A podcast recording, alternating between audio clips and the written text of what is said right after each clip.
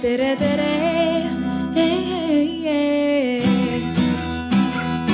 Eestimaa.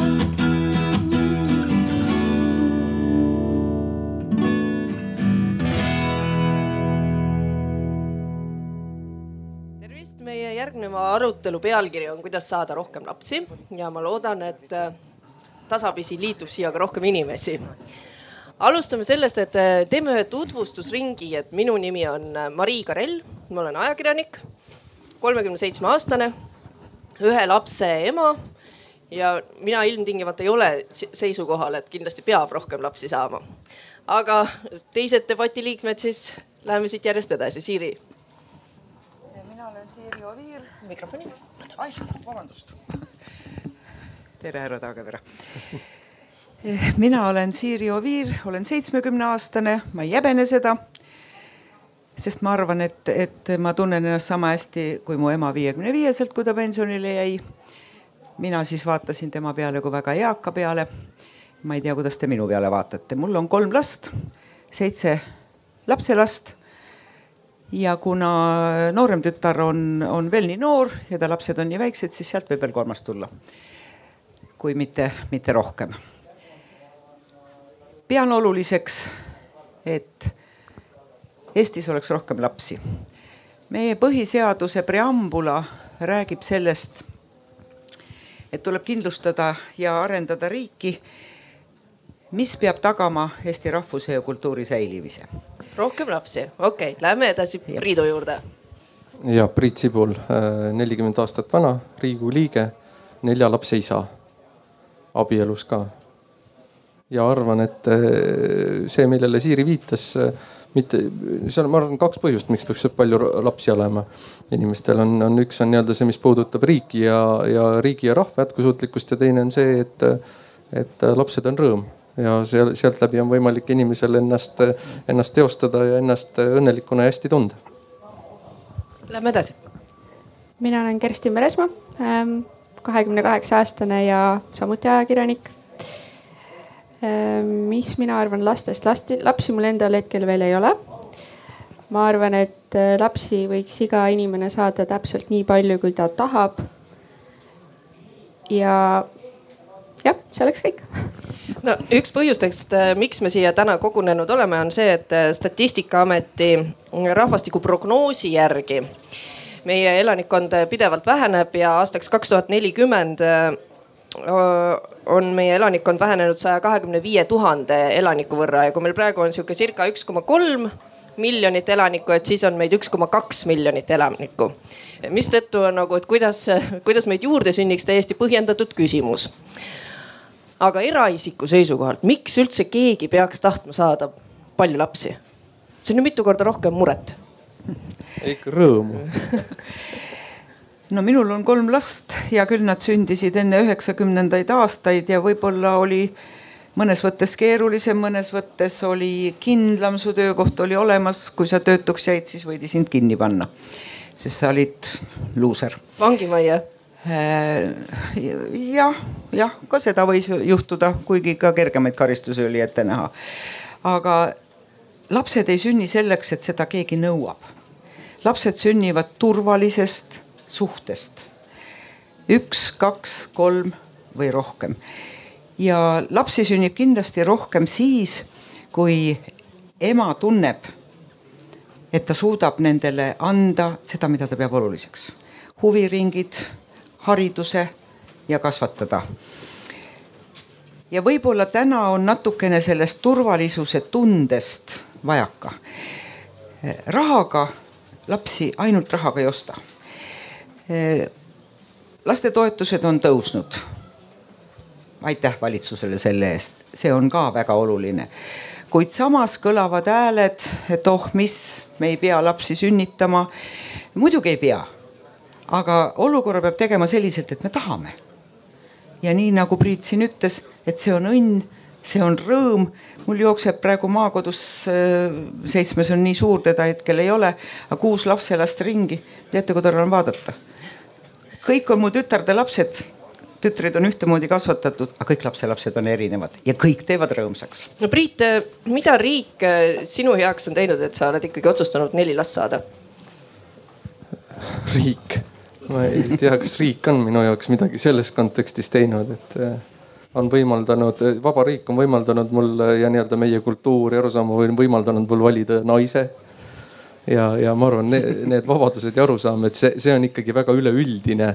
Äh, ma arvan, on see, see, see kindlustunne ja, ja arusaam, miks meil on palju lapsi ja, ja, ja ennekõike see lähtub sellest, et nad on meil peres oodatud see, et riik midagi konkreetselt teinud on, ma selles ei ole kindel, et siin kuidagi üks-ühest seost saab tuua küsime korra publiku käest, et äh, paljulapseline või lapserikas pere, nagu aastast kaks tuhat kuusteist on meil Eestis määratletud, et kui paljud äh, siin viibijatest on pärit lasterikkast perest või omavad lasterikast peret ehk siis üle kolme lapse, kolm või enam last?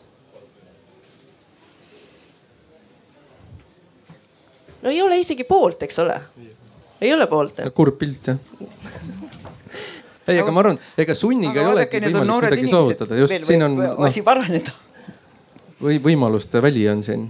võimaluste väli jah no aga sa, sa, sa oled um,, sul on kindlasti arvamus, et kuidas neid inimesi suunata selle poole, et nad ikkagi mõtleksid selle peale, et äh, rohkem lapsi on parem ma mõtlen, ega siin ei ole ühtset ja lihtsat lahendust, et nii nagu ma enne äh, Rein Taageperle ütlesin, et ega see laste saamine ja tegemine ei ole nagu Lotte isa suhkrumasina tegi valmis, eks ju, et ükskord tegi ja siis hakkas suhkrut tulema. et, et see kindlasti on palju keerulisem ja, ja komplekssem küsimus, et, et küsimus on see, mida ma ütlesin, eks et üks on nagu taust aga teine on sama, et, et milliseid äh, väärtusi ja arusaamisi me, me ühiskonnas evime, et kas see on, et, et kas nii-öelda kolm ja enam last on mõistlik või ei ole, onju. täna ma väidan, et ta ei ole, et, äh, et täna tundubki kõikidele inimestele, et kui sul nagu, nagu kaks last on, siis umbes üks on endale ja teine on riigile ja oledki oma panuse perena andnud. et ma arvan, lihtsalt see on see, mida mis, mis ühiskonnas äh, võiks ja peaks muutuma, kui me tahame seda ühiskonda sellisel kujul edasi pidada, et kui me nüüd räägime riigi seisukohalt. et, et see, et inimesed tunnetavad, et nad on osa sellest, et, et see riik ja rahvas on see, mis neile meeldib ja sobib ja, ja, ja siis nii nagu Siiri seda põhiseaduse preambulit äh, tutvustas, et sellest lähtuvalt tuleb meil igalühel ju tegutseda, et ega see iseenesest kuidagi ju ei, ei sünni need asjad. ja, ja, ja teine küsimus on kindlasti see, et, et nad kas et kuidas ühiskond sellesse kõigesse suhtub, sest ma arvan, et täna veel kahjuks on lasterikkad pered pigem negatiivse varjundiga, räägitakse ennekõike, kui räägitakse paljulapselistest sotsiaalprobleemidest, alkoholismist ja, ja pigem noh, nii nagu ikka meile meeldib, et kui me räägime ühest asjast, siis eh, korjame kõigepealt see negatiivsed asjad välja. ja ega see päris nagu niisama põhjuseta ei ole tekkinud, et kui me vaatame statistikat on ju, siis eh, lasterikastes peredes äh, seal äh, lasterikkad pered on kakskümmend protsenti neist elab vaesuses. see on viiendik, see on kohutavalt suur hulk ju no see ongi see, mida sa kirjeldad, eks, eks see ongi nii-öelda, et paljudes peredes äh, ei, ei saadagi hakkama. nüüd ongi küsimus, kuhu ma tahtsin ka jõuda. et, et üks on see, et kui palju see on nagu meie asi ja kui palju see on, et me ütleme, et, et äh, saite lapsed, kasvatage need üles, et kui, kuidas me sellesse suhtume.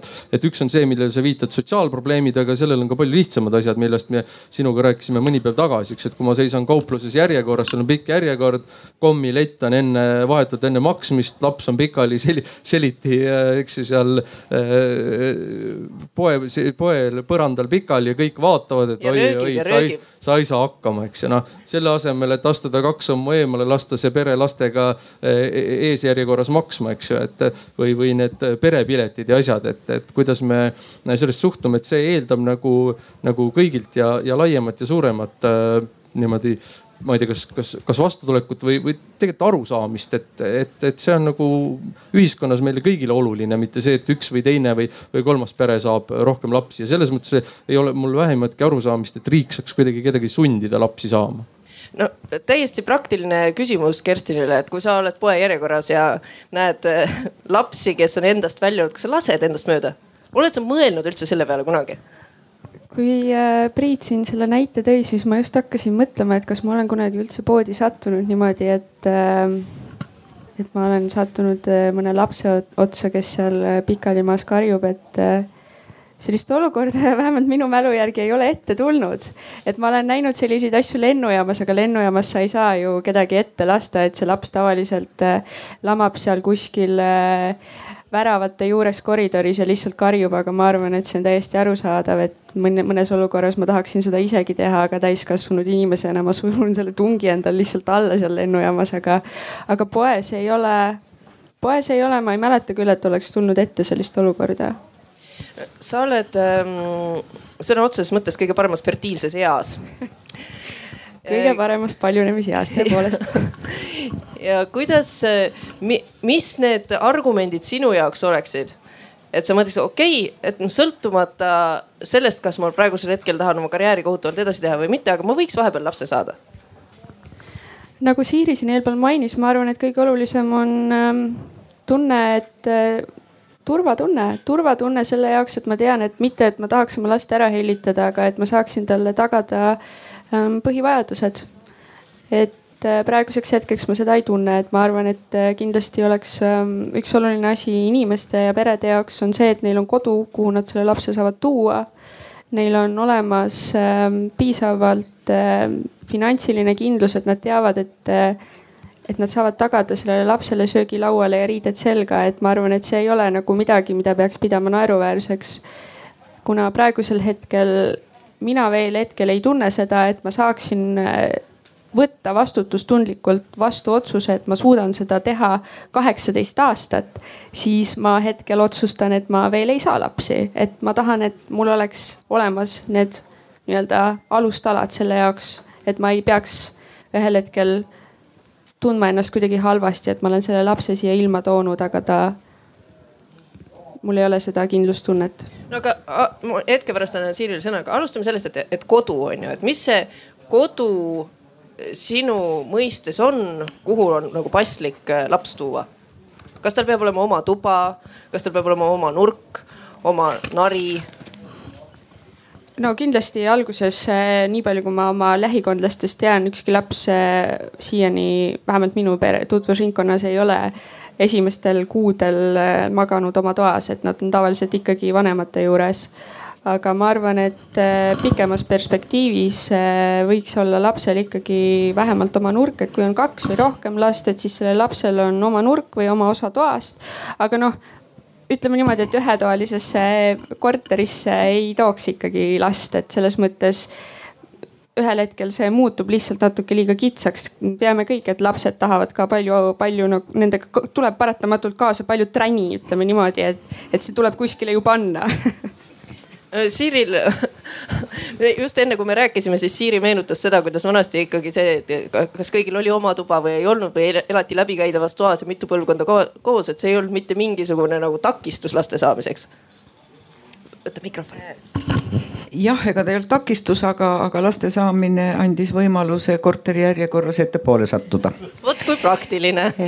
ja, ja, ja tegelikult eh, niimoodi ka sageli toimiti Eh, mitte see, et see lapsed oleks korter käes ja lapsed ripakile jäänud, seda nüüd ka ei olnud, nii et.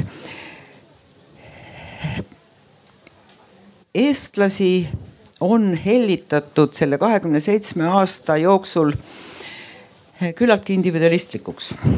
me tahame oma kodu.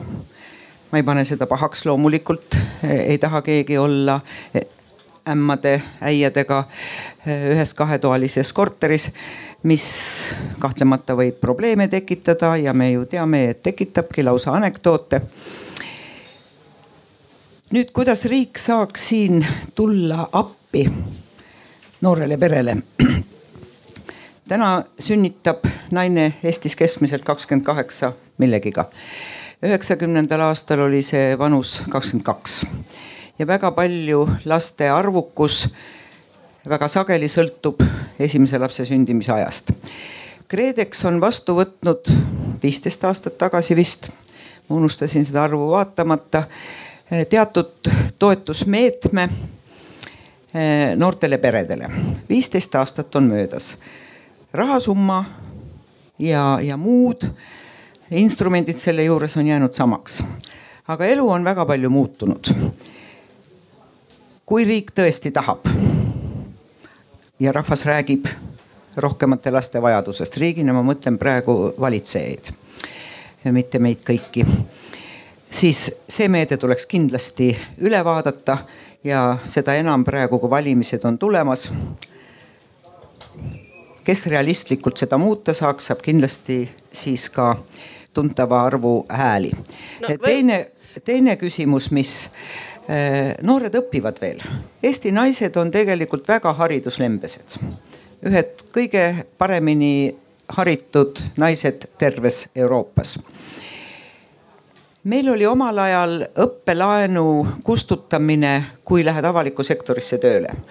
aga ei ole kunagi olnud õppelaenu, no ütleme proportsionaalselt esimese lapse puhul, teise lapse puhul, kuidas iganes seda kokku lepitakse. ja noh, eks küsimus on ka rahavõimalustes.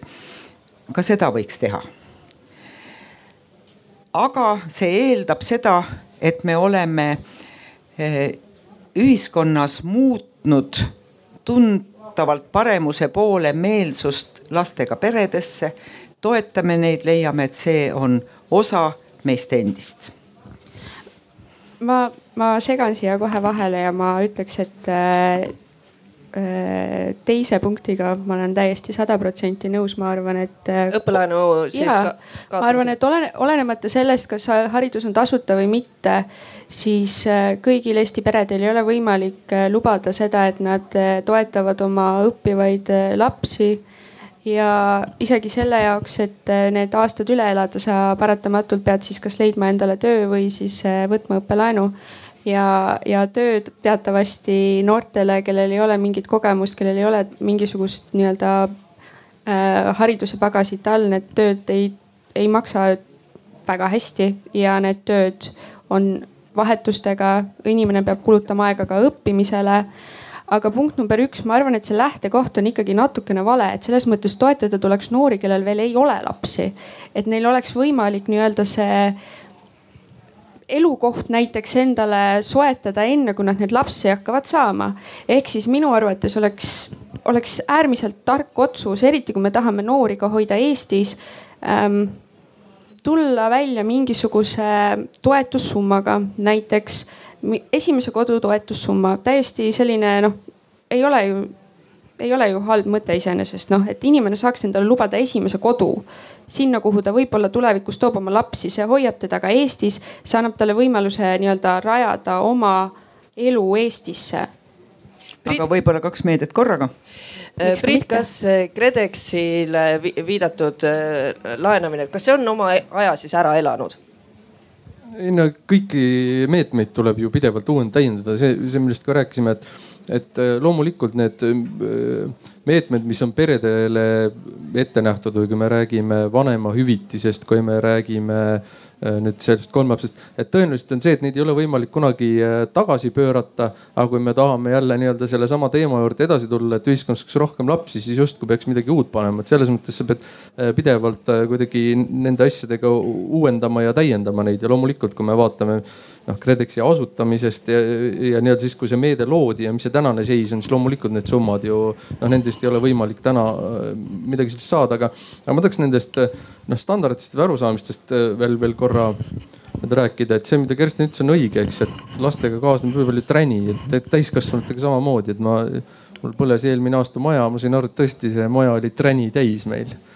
et saame ilma tränita ka elatud no sul, sul on ju täiesti praktiline küsimus, kui sul on neli last on ju, et kas sul on siis Tallinnas äh, nelja, peab sul olema siis igale lapsele oma tuba, mis tähendaks nagu kohutavalt suurt väljaminekut. Äh, ja, ja meil käibki arutelu, sest meil äh, vanem tütar saab kohe kaksteist ja ta räägib, kuidas klassikaaslased, keegi kolib oma majja ja igalühel on oma tuba ja ja noh, meie nüüd ka kolisime köögist välja, tegime köögist ühe toa juurde ja nüüd on meil elutuba köök, aga ja, ja siis on veel seal nii-öelda kaks tuba lisaks sellele, et, et, et vanem tütar sai nii-öelda köögist toa endale, aga ei, ei, meil ei ole ja, ja noh, nii nagu ma olen öelnud, et paljude laste isadel on Porsche, aga meie sõidame Volkswageniga onju et see, see on küsimus, et mida me tahame, et see, see noh, ei ole võimalik meie nii-öelda see, see, millele Siiri viitas või need, et kahekümne seitsme aastaga me oleme tohututeks individualistideks kasvatatud, et me saame ja, ja niimoodi ei ole võimalik riiklikult kuhugi mingeid standardeid tõmmata ja, ja selles mõttes ma erinevalt Kerstinist arvan, et, et kui see kodutoetus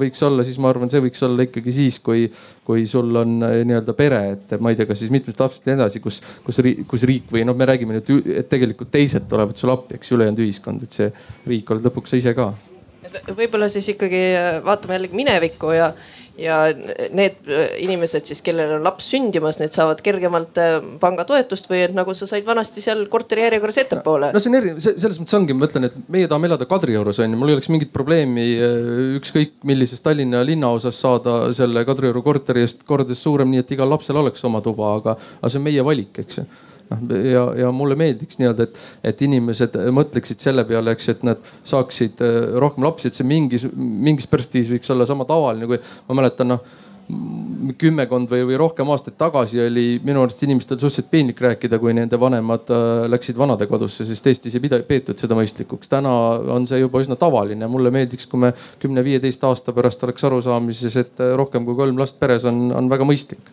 no,. väga hea, et sa selle teema sisse tõid, et kui me sinuga eelnevalt kohtusime, siis sa ütlesid ka, et kui sa tänapäeval ütled, et sul on üle kolme lapse peres, et siis inimesed vaatavad, sa oled napakas.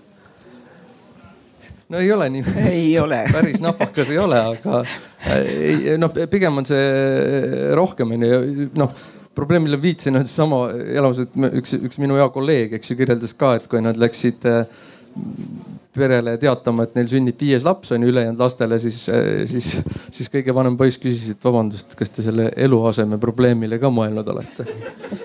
see on täiesti põhjendatud küsimus selles mõttes, et loomulikult vanemana peab ju mingi vastus olema. ruumi jäi vähemaks nojah aga et äh, küsime publiku käest, et, et kuidas teile tundub, et kas Eesti ühiskonnas vaadatakse paljulapselisi või lasterikkaid peresid pisut viltu pilguga. tõstke käsi, kes nii arvab. ja, ja tõstke käsi nüüd need, kes arvavad, et, et kui, kui on lasterikas pere, viis või kuus last, et siis see ühiskonna hoiak on see, et küll te olete tublid ja tunnustame teid ega siin ei ole nagu oled lasterikas, siis ei tähenda nagu absoluutselt seda, et sulle näidatakse kohe poialt, et tubli, sa oled seisnud meie Eesti riigi eest. muidugi need hoiakud, ma ütlen, et täna ei olegi seda, aga seal oli üks käsi mitu korda püsti seal taga. kas meil on mikrofon? sinna taha. Annela. oota. Hallo et minul ei ole nii palju lapsi veel sulgudes kui, kui Priidul, mul on üks laps vähem aga äh, minu meelest see hoiak, äh, mida Marii üritab siin nagu mitu korda nagu öelda, et sa tõstsid lihtsalt selle leveli nii suur, viis kuni kuus, et noh, sellepärast ma ei saanud nagu kätt tõsta, kui sa oleks öelnud kolm kuni viis või kolm kuni neli, siis ma arvan, et neid käsi oleks võib, võib-olla nagu veitsa rohkem tulnud, et sa panid selle lati kohe nagu jube kõrgele, onju. aga mis ma tahan öelda, et äh, olles nagu kolme lapse ema, et äh, ma tegelikult näen sellist kerget kadedust isegi omavanuste emade seas, kes ütlevad, vau, et te tegite ära, et teil on see nagu võimalik. et hästi paljud, kellel on üks või kaks last, ütlevad, et me lihtsalt ei saa kolmandat lubada, et meil ei ole tuba ja kui on neljas laps, siis on see auto probleem, et tagaistmel on kolm kohta, onju. ja näed, ongi kolm kohta, järgmine on pagass onju, koera ka ei pane pagassi onju. et äh, tegelikult see majanduslik äh, surve on suurem kui see kuvandisurve. et noh, ma ütlen ka konkreetselt, et me köögist, me enam ei saanud teha ühele lapsele tuba, sest me olime selle ära teinud möödunud suvel onju. et me pidime ehitama teise korruse ja see maksab kergelt alla saja tuhande, et teine korrus peale teha. kui me oleks mehega kahekesi me oleks saanud selle raha paigutada mingisse lisakorterisse, mis oleks hakanud meile igakuuselt palgale lisaks nelisada eurot umbes tooma. aga mis meie teeme? kolme lapse ülalpidamise kõrval kahekesi sa pead üles viit inimest, me maksame veel ka laenu et seda teist korrust ehitada. nii et see lihtsalt ongi hästi räigelt majanduslik põhjus, et kas sulle pank üldse annab, kas su palgad on sellised et kui sa kahekesi pead niikuinii üleval viit inimest, sest pank arvestab ju sinu sissetuleku viie peale, mitte kahe peale. kas ta üldse annab sulle nii palju laenu, et sa saad teise korruse ehitada? ja siis sellesama viie inimese ülalpidamise kõrval kahe inimese palgast sa maksad veel ka palgalaenu aga su sellised sõbrad, kellel ei ole lapsi, nemad on selle lisasissetuleku eest ostnud omale lisakorteri, mis palgale lisaks toob neile veel mõnesada eurot sisse. Ja nii räigelt äh, majanduslik äh, põhjus ongi aga kuvand on nagu hea, et kui ma lähen oma kolme lapsega, siis äh, noh, mitte ainult välismaal, vaid ka Eestis tullakse ligi ja öeldakse, et oi kui nunnu ja nii edasi ja noh, ma olen lastele öelnud, et avalikus kohas palun pidage ennast viisakalt üleval ja nad peavad sellest kokkuleppest kinni ka enamasti. ma ütleksin selle peale, et teil on väga hästi vedanud, et te saate lubada endale üldsegi seda, et te selle teise korruse saate sinna peale ehitada, et paljud inimesed ei saa endale lubada korteritki niimoodi, et nende lastel on oma tuba, et noh, nii see on fakt lihtsalt, et me räägime siin nagu ikkagi, ikkagi tuleb tuleb ikkagi teha teadlik otsus, et kui sa need lapsed saad, siis sa pead ikkagi teadma, et sa saad nendele ikkagi mingisuguse kindlustunde ja turvalisuse ja nii-öelda toidulauale riided selga lubada, et noh, see on lihtsalt niimoodi, mina ei tahaks olla see lapsevanem, kes näeb, et tema lapsel ei ole, et ma ei saa talle lubada reaalselt põhiasju, põhivajadusi. et nii on ja ma arvan, et see ei ole vale, et selles mõttes teatud arvamusartiklile tagasiside tundus küll, et ma olen, ma olen väga kalk ja väga selline, väga selline enesekeskne inimene, aga ma arvan, et ma pigem arvan, et see oli lihtsalt mõistlik, mõistlik. vaata, seal on sinimustvalge mütsiga poiss ja kelle ema tahab väga, tüdruk meil on sooneutraalsed riided. väga hea et minu kommentaar oli lihtsalt see, et ma olen Eestis kümme aastat ära elanud Lõuna-Aafrika Vabariigis, Lähis-Idas, UK-s. Et äh, ka mina kirjutasin ühe artikli siis Päevalehte siis, kui härra Kristjan selle kalkulatsiooni tegi, et kuidas naised ikka peaks sünnitama ja kui palju see püramiidskeem riigile siis maksuraha tagasi toob et äh, me unustame võib-olla nais, naised siin natuke debatis ära, et me räägime lapsevanem, lapsevanem siin. aga kui me meediat loeme või vaatame televiisorit, siis räägitakse ikka, et naine ei sünnita ja naine ei tee ja naine saab need lapsed ja. et äh, mina noh, mul on kaks last äh, mul on karjäär oluline ja ma käin juba tööl selle väikse lapse kõrvalt. ja mul on õnneks võimalik palgata endale täiskohaga hoidja, kes käib meie juures iga päev seda last hoidmas. ja mul on ka paindlik töö, sest IT-valdkond äh, võimaldab naistele väga paindlikku tööd ja tööaega.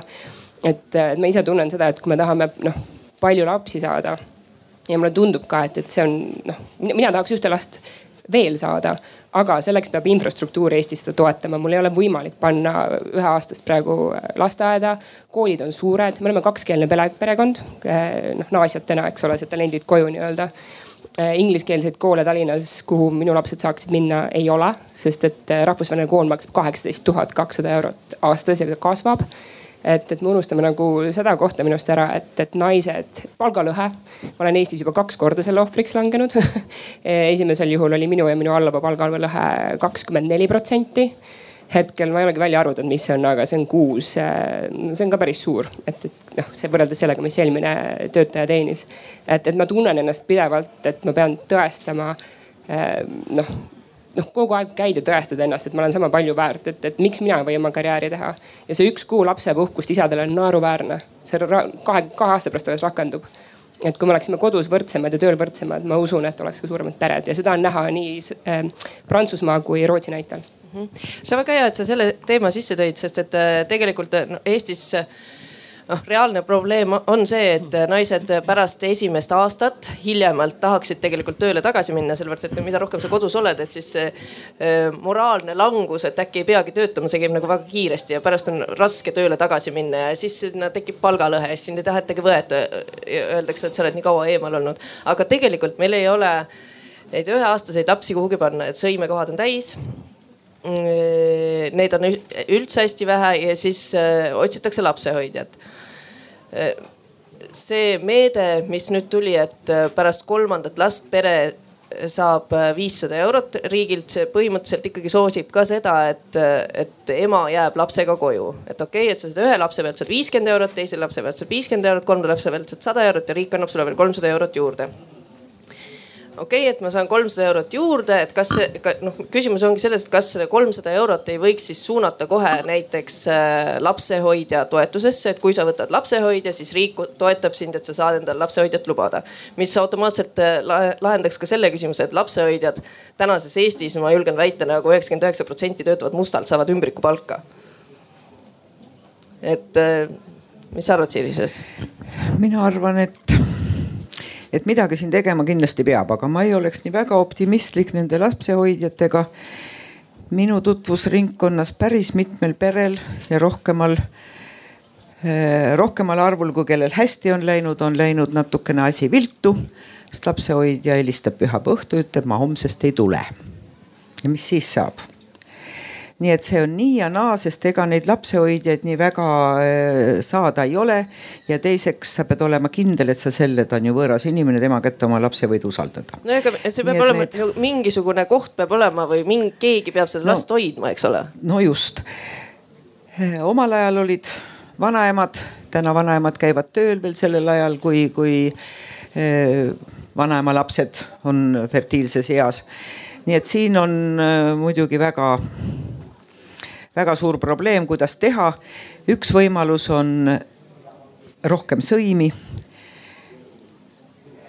kui minu lapsed olid väiksed, mitte seda, et ma oleks nad viiekümne kuue päevaselt lapsesõi, lastesõime pannud, aastaselt nad läksid, esimene seitsmekuuselt.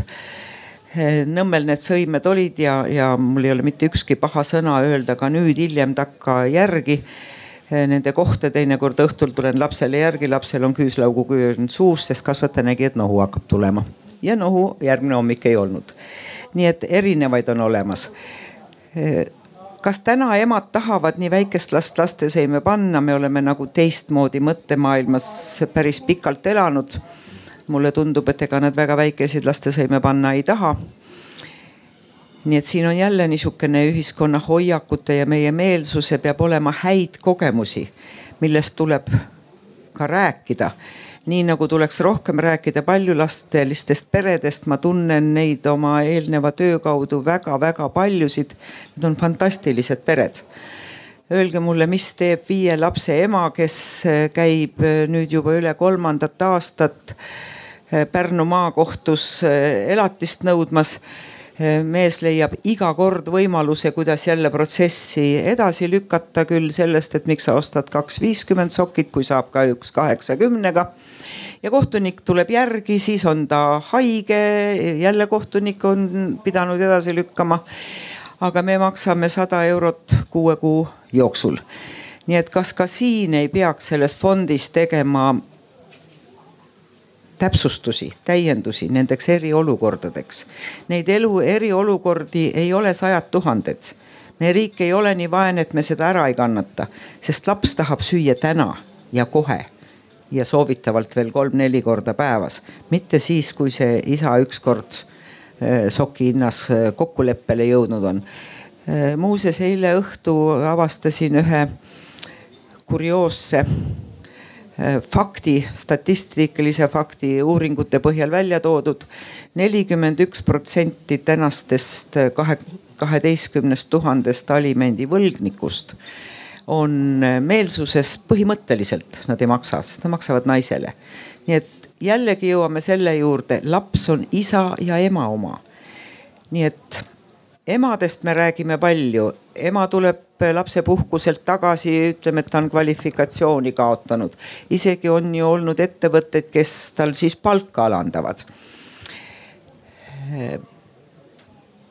see on justkui ühiskonnas paljude poolt heaks kiidetud Ühiskond..., aga lapsel on ka isa ja isade vastutust, hoolt me peaksime rohkem sellest ühiskonnas rääkima positiivsetest suure pere isadest, väikese pere isadest, kui tublid nad on. ja küllap me jõuame ka selleni, et meil isadele puhkust tuleb rohkem kui, kui kuu aega.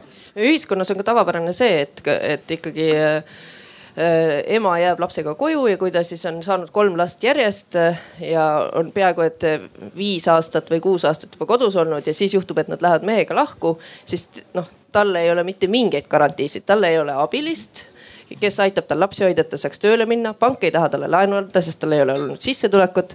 et siis hakkab nagu king väga kiiresti pitsitama. mehel on uus pere ja uued lapsed ja põhjendab, et ka sinna on vaja raha ja meil leidub ka võimukandjaid, kes leiavad hoolt ja hoobilt, me vähendame elatise miinimummäära, mis on niikuinii paindlik.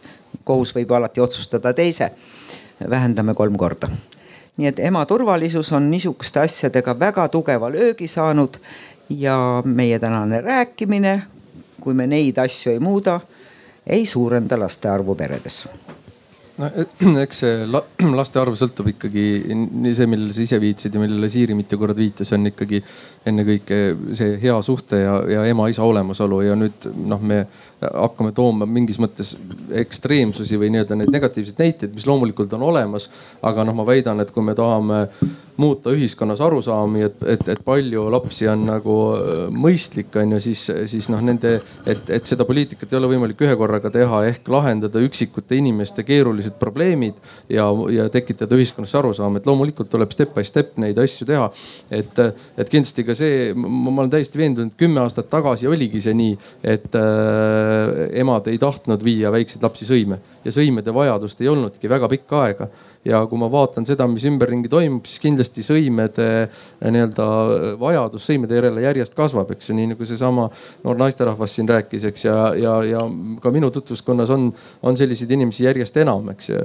see on nagu suhtumise küsimus, mäletan omal ajal, kui ma Põlvas olin, siis ka mulle seal omavalitsused ütlesid, et meil ei ole mingit probleemi siin laste, lastel ja lastekaitse. muidugi neil ei olnud lastekaitsespetsialisti. niipea kui nad palkasid lastekaitsespetsialisti, nägid nad, et, et on siiski olemas ka probleemseid peresid ja lapsi, aga sa, sa, sa inimesena ei oskagi näha, eks ju. ja täpselt samamoodi oli see, me võime ju öelda, et, et kui sõime ei ole, et siis pole kellelgi pole seda sõime tarvis, eks ju.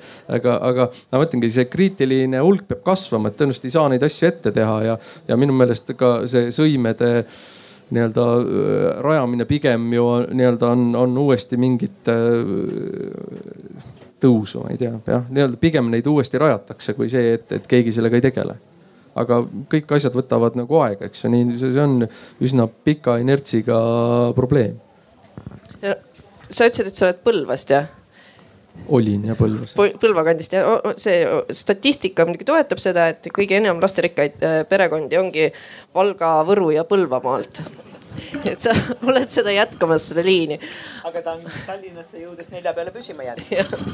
no ei tea ei ole veel püsima, mul on kõige väiksem on alles aastane jaanipäev. oi, vabandust, ma ei teadnud, et ta nii pisike on no vot, aga, aga see, see selgita mulle äh, või aita ka nagu publikul aru saada, et see hiljutine meede riigi poolt, et kolmelapselised perekonnad saavad riigi poolt automaatselt toetust juurde. kas, kuidas sa näed, et see aitab rohkem lapsi saada? Aga see on see, mida kirjeldati, et, et sul ju nii-öelda noh, mingid kulud kasvavad ja, ja see, millest Kersten ütles, et sa tahad oma lastele midagi pakkuda, eks ju. imiku jaos on see üks, et sa tahad, et tal on mingi nurk ja toimetamine ja kui ta saab nii-öelda, et tal tekivad hobid ja asjad, siis sa tahad, et tal oleks võimalik oma hobidega tegeleda, toimetada, et, et tegelikkuses on ju see, et, et ega noh, kulud ju perspektiivis ainult kasvavad, et see, et, et laps ükskord sünnib ja sul on vaja käru ja, ja mähkmeid osta, on nagu, seal on päris mitmed kulud on, on ühekordsed, eks ju. hiljem on see ju, ju nii-öelda pidev ja, ja selles mõttes ma ei arva küll, et kellelgi see, see raha üle on, et, et kui ma ka vaatan neid kulusid, mis meil on, on seotud äh, kõiksuguste hobide ja huvitegevustega, siis kindlasti see kolmsada eurot ju kuidagi ka seda ei kata eks siin on sellel toetuse suurenemisel on ka teine külg, see näitab riigi hoolivat suhtumist. sest ehm, ma arvan, et väga-väga vähe on neid noori peresid, kellel raha mööda külge maha jookseb ehm, mitte ainult väikeste lastega, vaid suurte lastega. me rääkisime suurtest peredest või paljulapselistest peredest, kelleks Eestis praegu on see arv lapsi, mis nagu normist üle läheb, see on siis normist. kolm. no ja statistilisest normist, statistilisest normist, sest äh, ta läheb tegelikult peaaegu kaks korda üle, sest üks koma kuus on see, see keskmine praegu, et kolmelapselisest võtame äh, paljulapseliseks pereks, aga tavaliselt sünnivad need lapsed riburidapidi reas ja kujutage ette nüüd võtame natuke rohkem kui kolm. on viis last ja nad hakkavad koos minema haridust omandama, kes ülikooli, teise linna. kuidas siis? nii et jällegi ma tulen selle juurde, et äh, õppelaenu ja, ja selle peale peaks ka riik mõtlema. Saksamaal näiteks, millest me väga palju oma seadusandest tehes võtsime eeskuju. hea küll, kui me hakkasime eeskuju võtma, me rahaliselt ei saanud ennast võrreldagi Saksamaaga. Saksamaal saadakse lastetoetust kahekümne kuuenda eluaastani, kui õpid nii et kui on suur pere, siis ma ei tahaks küll olla selle ema nahas, kui laps on väga andekas, aga ma ei saa teda ülikooli saata, sest selle jaoks puudub võimalus.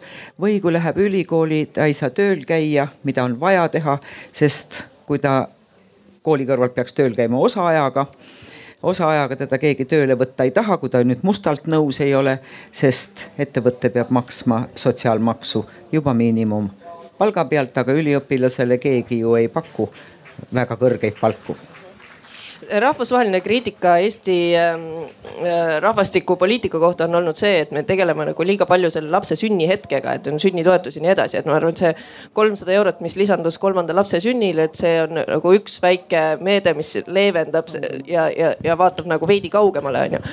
kui ma lugesin uuringut lasterikaste perede kohta, et siis noh, üks asi, mille peale me ei ole täna kordagi mõelnud, on on see, et kuidas need lapsevanemad hakkama saavad, et äh, kui äh, lasterikkaid peresid intervjueeriti, siis lapsevanemad tõid välja, et, et nad pigem nad kogu selle ressursi, mis neil on, et nad suunavad selle lapsele, et lapsele jääks mulje, et tegelikult me saame endale asju lubada, ehkki nad võib-olla ei saa. selle arvelt lapsevanemad lõpetavad igasuguse kultuuri tarbimise, ei osta enda raamatuid, rääkimata sellest, et nad ostaks uusi riideid.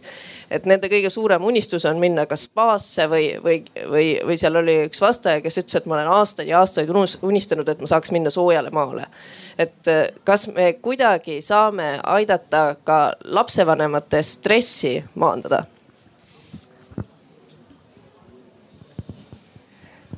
viimase aja artiklites on äh, väga paljud arvamusliidrid püstitanud küsimuse, et kas mitte mingist lapse arvust sest kui lapsi on peres rohkem kui üks-kaks, siis see on kakskümmend neli, seitse ja kolmsada kuuskümmend viis ja kuus päeva aastas.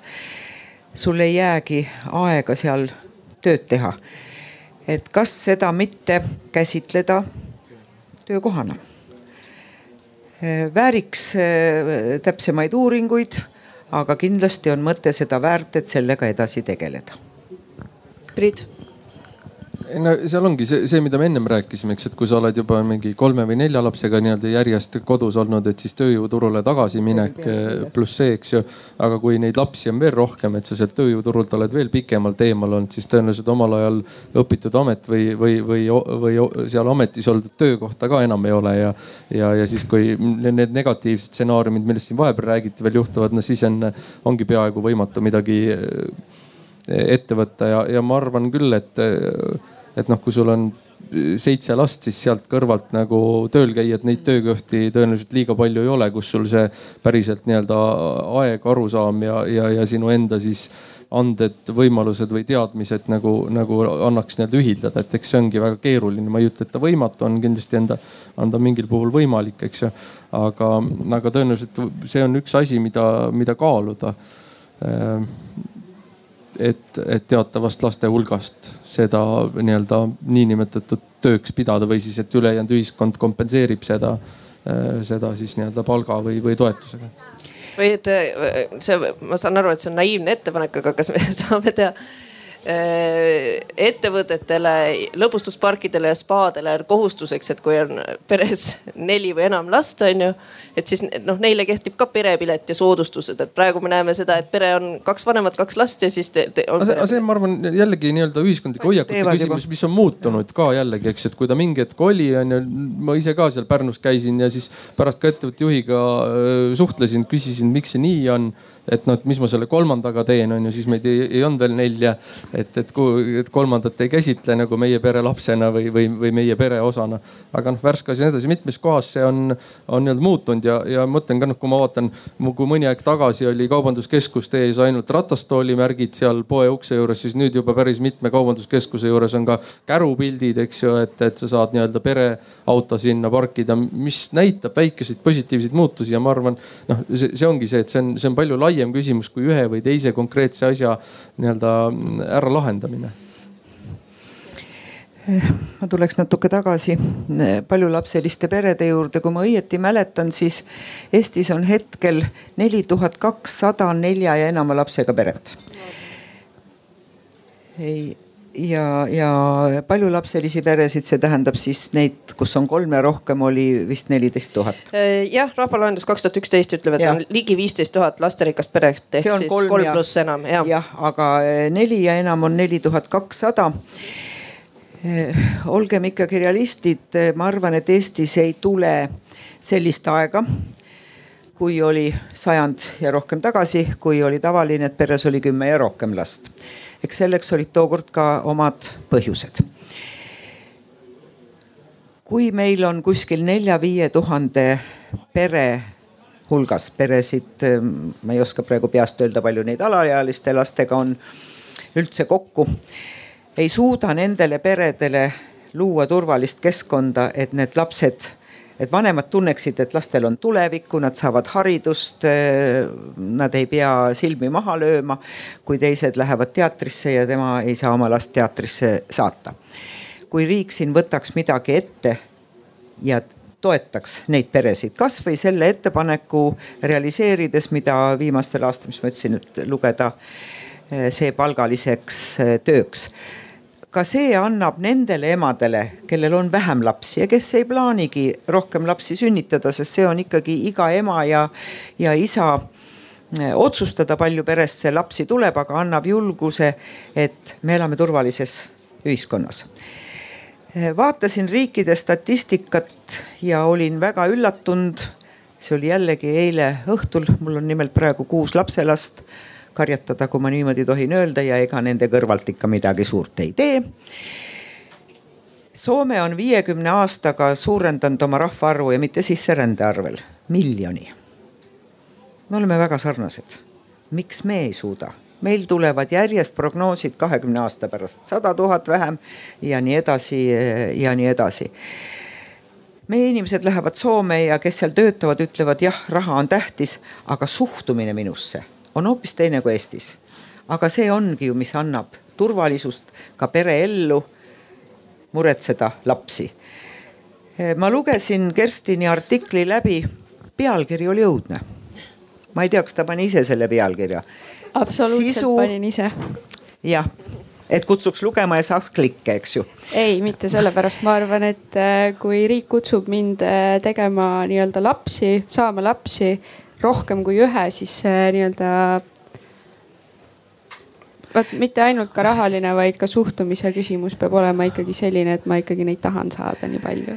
et selles mõttes ma arvan, et eh, jah, täiesti vabatahtlikult panin selle pealkirja.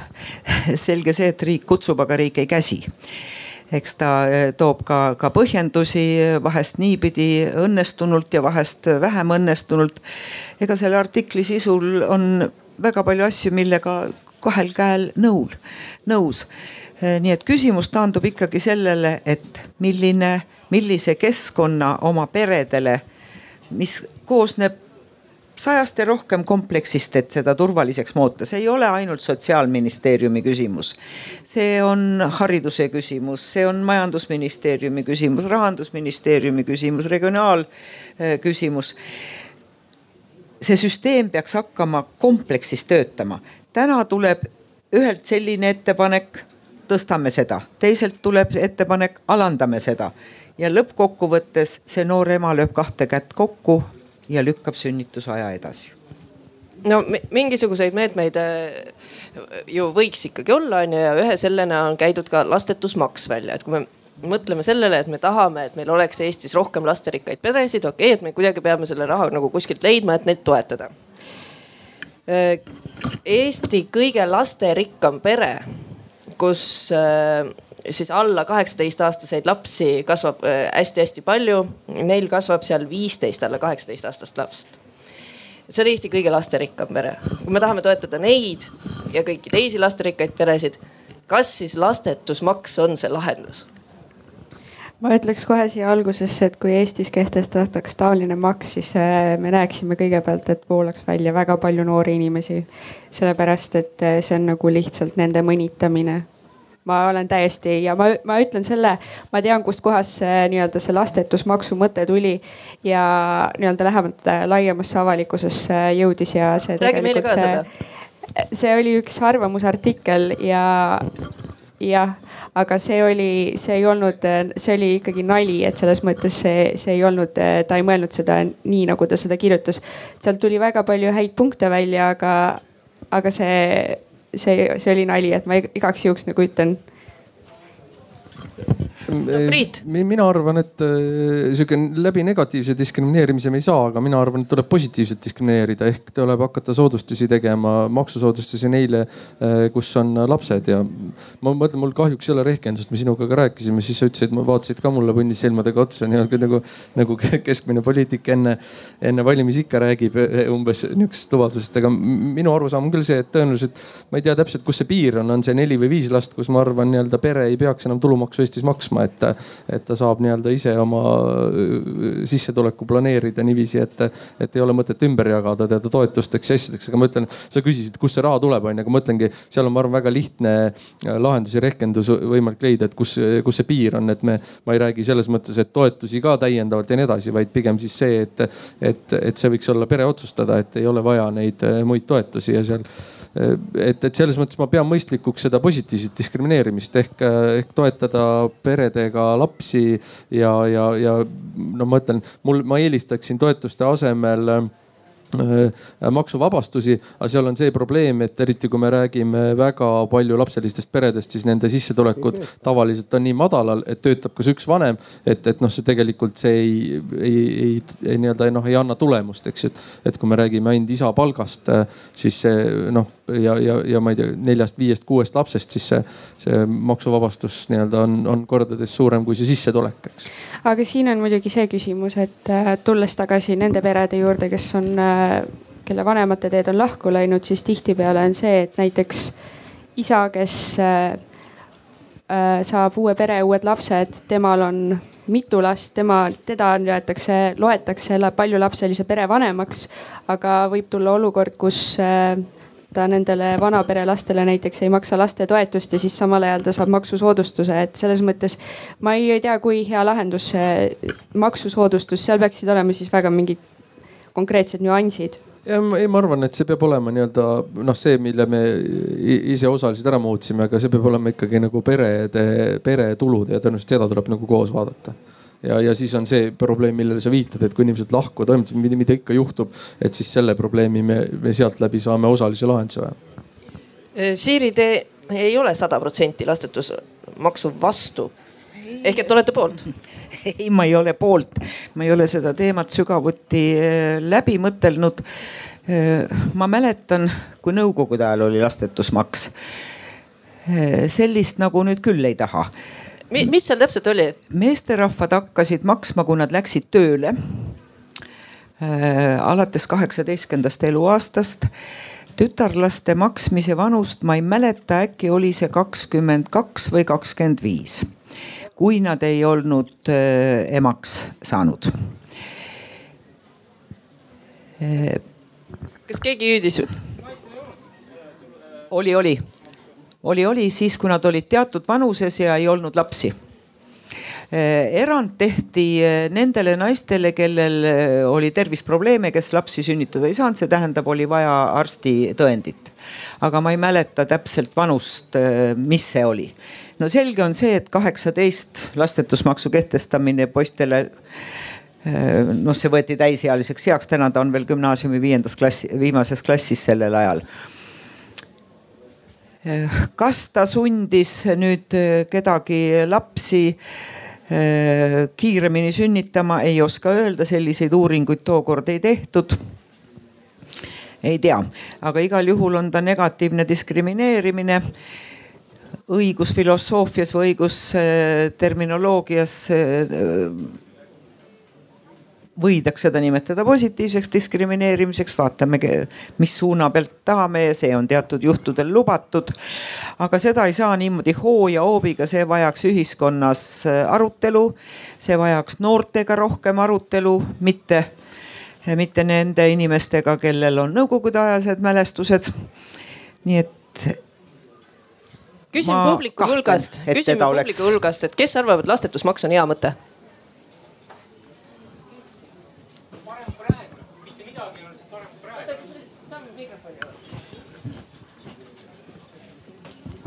Lastestusmaks on iseenesest par palju parem olukord kui praegune olukord, kus karistatakse emasi, suurelapselisi emasi karistatakse.